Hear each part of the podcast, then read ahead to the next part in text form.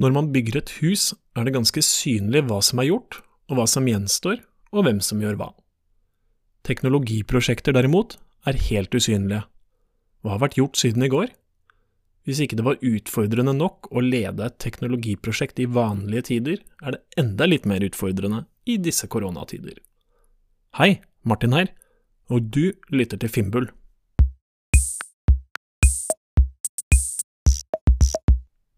Metaforen med å bygge et hus er selvfølgelig overforenklet, det er vanskelig å bygge et hus, men samtidig er det veldig tilfredsstillende fordi fremdriften er så synlig. Teknologiprosjekter, derimot, er usynlige inntil vi ser dem på en skjerm, og ofte er det vi ser på skjermen bare toppen av isfjellet som får alt til å fungere. Hvem gjør egentlig hva? Hva har vært gjort siden i går? Hvordan ser vi at alt fungerer som det skal? I disse koronatider har vi fått enda en tilleggsdimensjon. Vi sitter ikke lenger sammen når vi lager disse løsningene. Vi sitter hver for oss, hjemme, foran en skjerm, og ofte gjør vi ikke de samme tingene samtidig.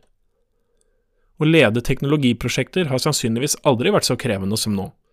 Samtidig gir den nye tiden også noen positive bivirkninger. Heldigvis har vi arbeidet med teknologiprosjekter i mange tiår, Smarte mennesker har funnet helt ålreite løsninger som hjelper oss med å se hva som har vært gjort, hva som er under arbeid, hva som gjenstår. Teknikker som Kanban hjelper oss med å visualisere arbeidet, noe du kan høre mer om i episode fire av Finnbull. Trello er et nettbasert Kanban-verktøy som hjelper deg med å visualisere arbeidet du holder på med. Hvem gjør hva? Hva driver de med akkurat nå? Hva er ferdig? Men at noe lar seg visualisere, betyr ikke at arbeidet skjer av seg selv.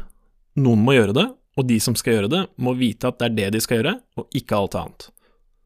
Å kommunisere tydelig prioriteter og forventninger er ekstra viktig i disse tider.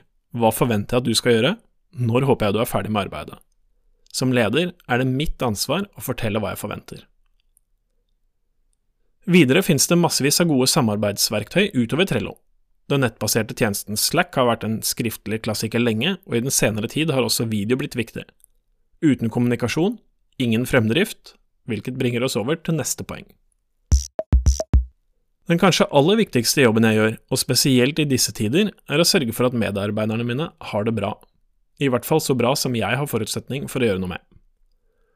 Foruten spontan kommunikasjon over Slack og video, syns jeg det er viktig å snakke med folkene mine sånn cirka en gang i uken, hvor temaet ikke bare dreier seg om arbeidet som gjøres, men hvordan det gjøres, hvordan de har det, og hvilke forventninger vi begge har til hverandre.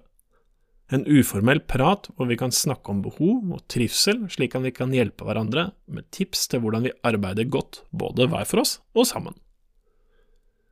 En gang i uken, sånn cirka, går jeg meg en tur jeg ringer opp folkene hos meg og snakker om løst og fast, om jobb og skille mellom fritid og arbeid i en tid hvor vi skal utføre arbeidet på et sted hvor vi normalt tilbringer fritiden. Over tid har jeg også sett at man får bedre rutiner, og at samtalene i stadig større grad dreier seg om innholdet i arbeidet. For meg og mine holder det med en gang i uken, så får vi heller ta arbeidsrelaterte samtaler fortløpende. En gang i uken oppleves ikke som mas, men som at man bryr seg.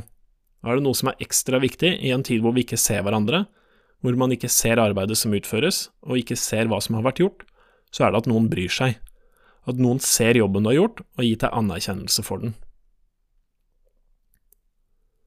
Videre er det mange som setter pris på håndfaste oppgaver og klare forventninger til oppgavene. Ofte har man gjerne en strategi og noen mål som skal nås, men fra strategien og målene er det gjerne litt avstand ned til den enkelte oppgave, som man ofte trenger å hjelpe til med å sette om fra strategi og mål til enkelte oppgaver. Det er deilig å kunne sette seg ned med konkrete oppgaver, og gjennomføre dem slik man selv mener er best, og dele det med andre når man er ferdig. Se, dette har jeg gjort! Å hjelpe den enkelte med å prioritere oppgaver, og hjelpe dem i arbeidet, og følge opp det som har vært gjort, og skal gjøres, har alltid vært viktig, og det er ekstra viktig nå. Jeg håper du tar vare på deg selv og dine i disse spesielle tider, og forhåpentligvis kommer vi nå sakte, men sikkert tilbake til en ny normal. Nyt dagene, kom deg ut, Sørg for at du har et godt skille mellom hjem og fritid på den ene siden og jobb på den andre. Tusen takk for at du lytter til Finnbull. Vi høres.